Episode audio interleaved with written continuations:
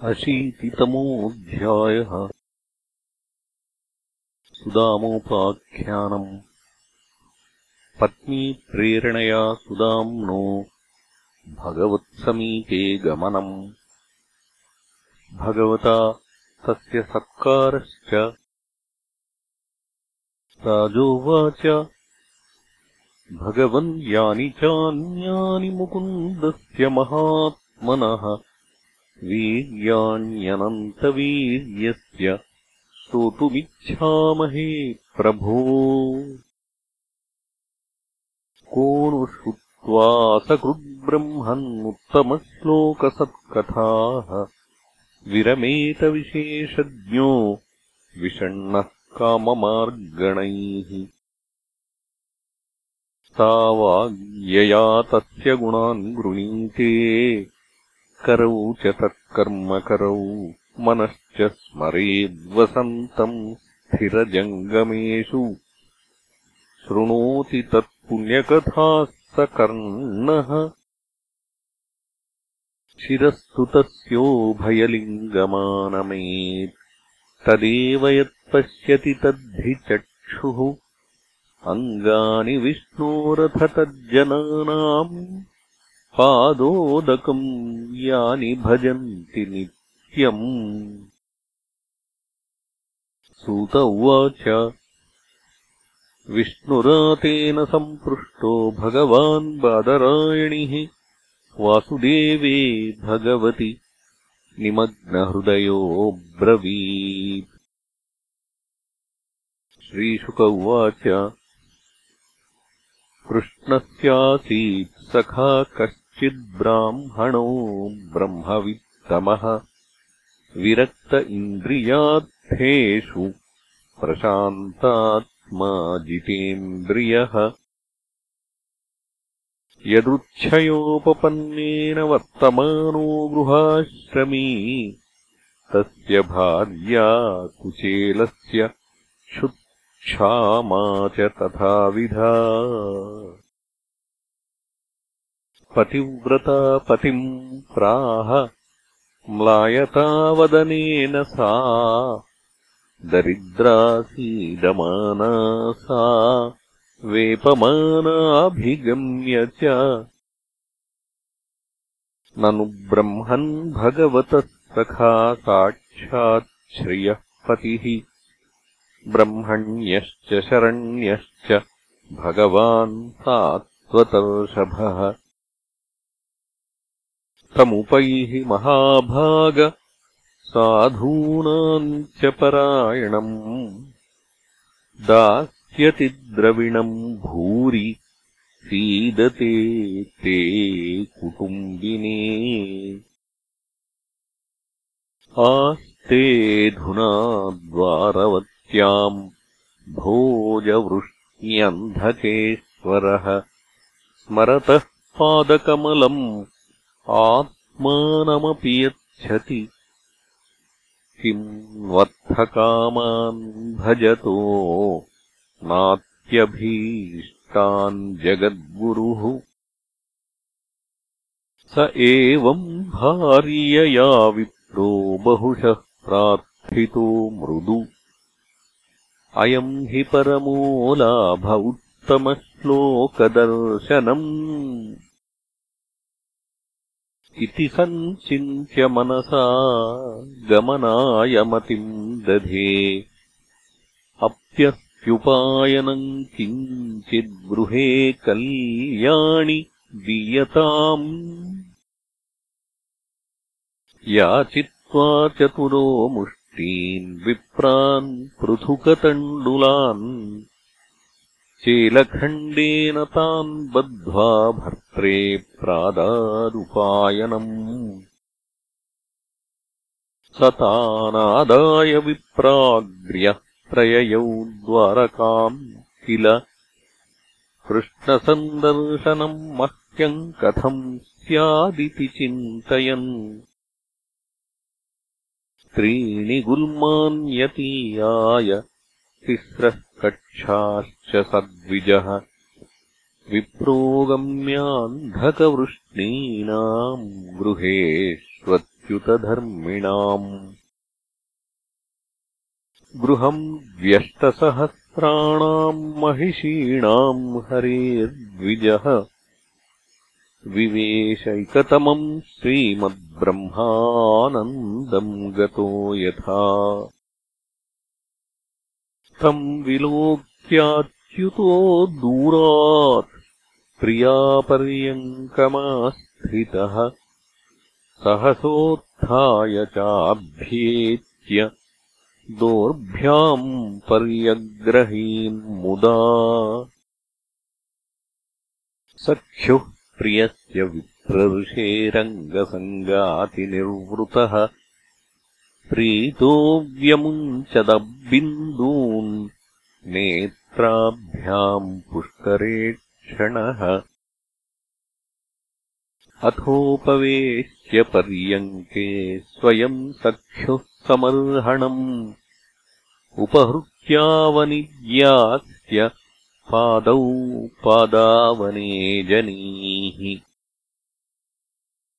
अग्रहीच्छिरसाराजन् भगवान् लोकपावनः व्यलिम्पद्दिव्यगन्धेन चन्दनागुरुकुङ्कुमैः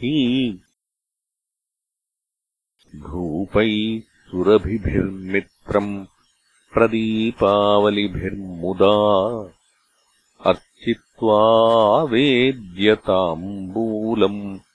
गाञ्च स्वागतमब्रवीति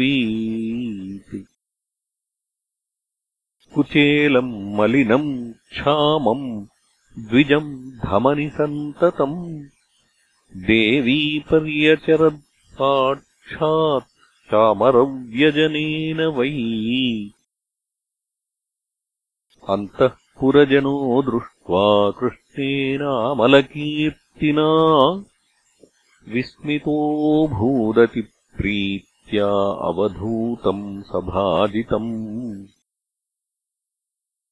किमनेन कृतम् पुण्यमवधूतेन भिक्षुणा। श्रियाहीनेन लोकेऽस्मिन् गर्हितेनाधमेन च।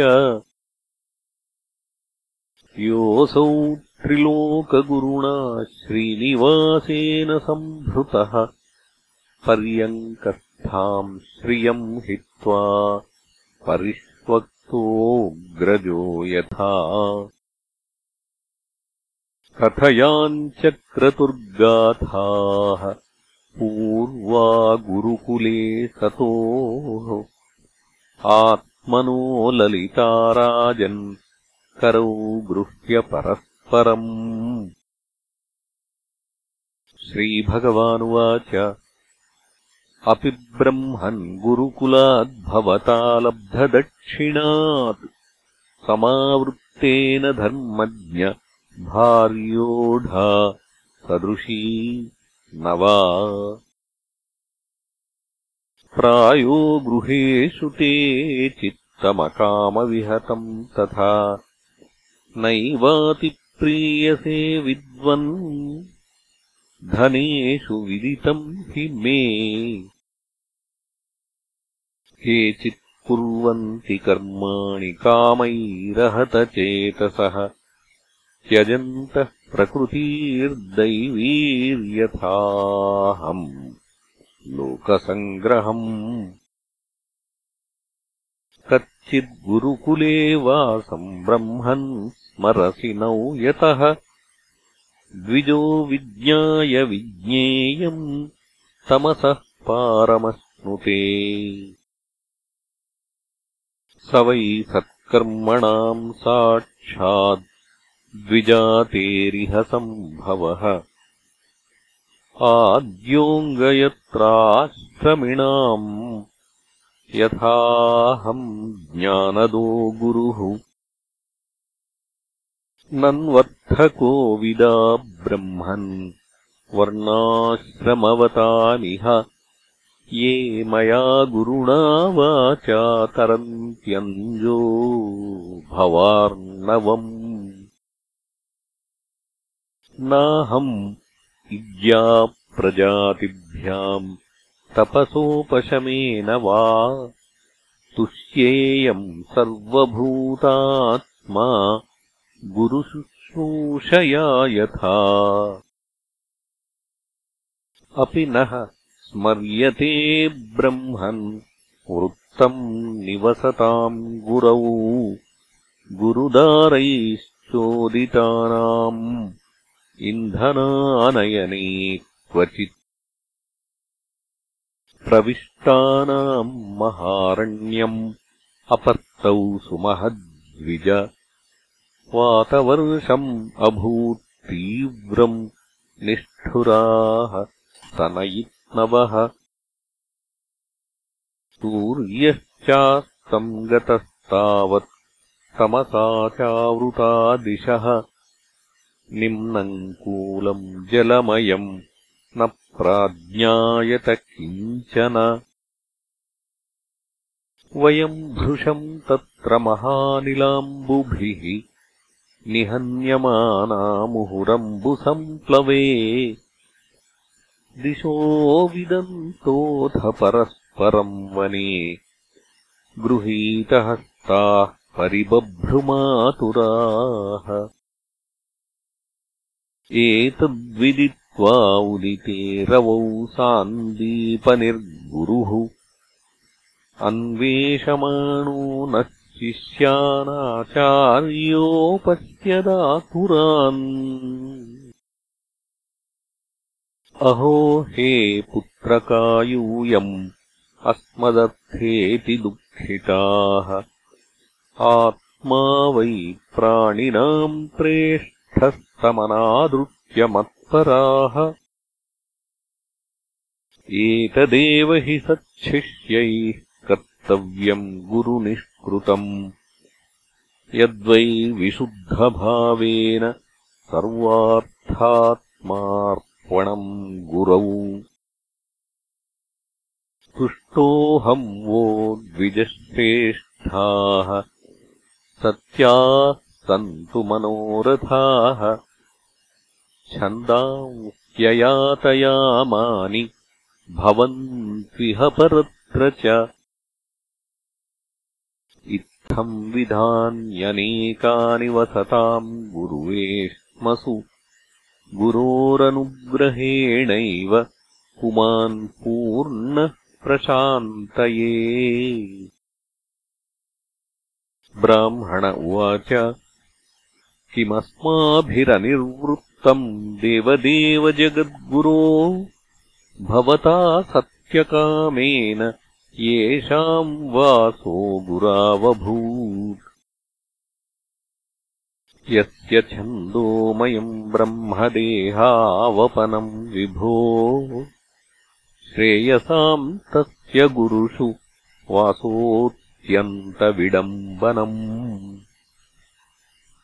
इति श्रीमद्भागवते महापुराणे पारमहंस्याम् संहितायाम् दशमस्कन्धे उत्तरार्धे अशीतितमोऽध्यायः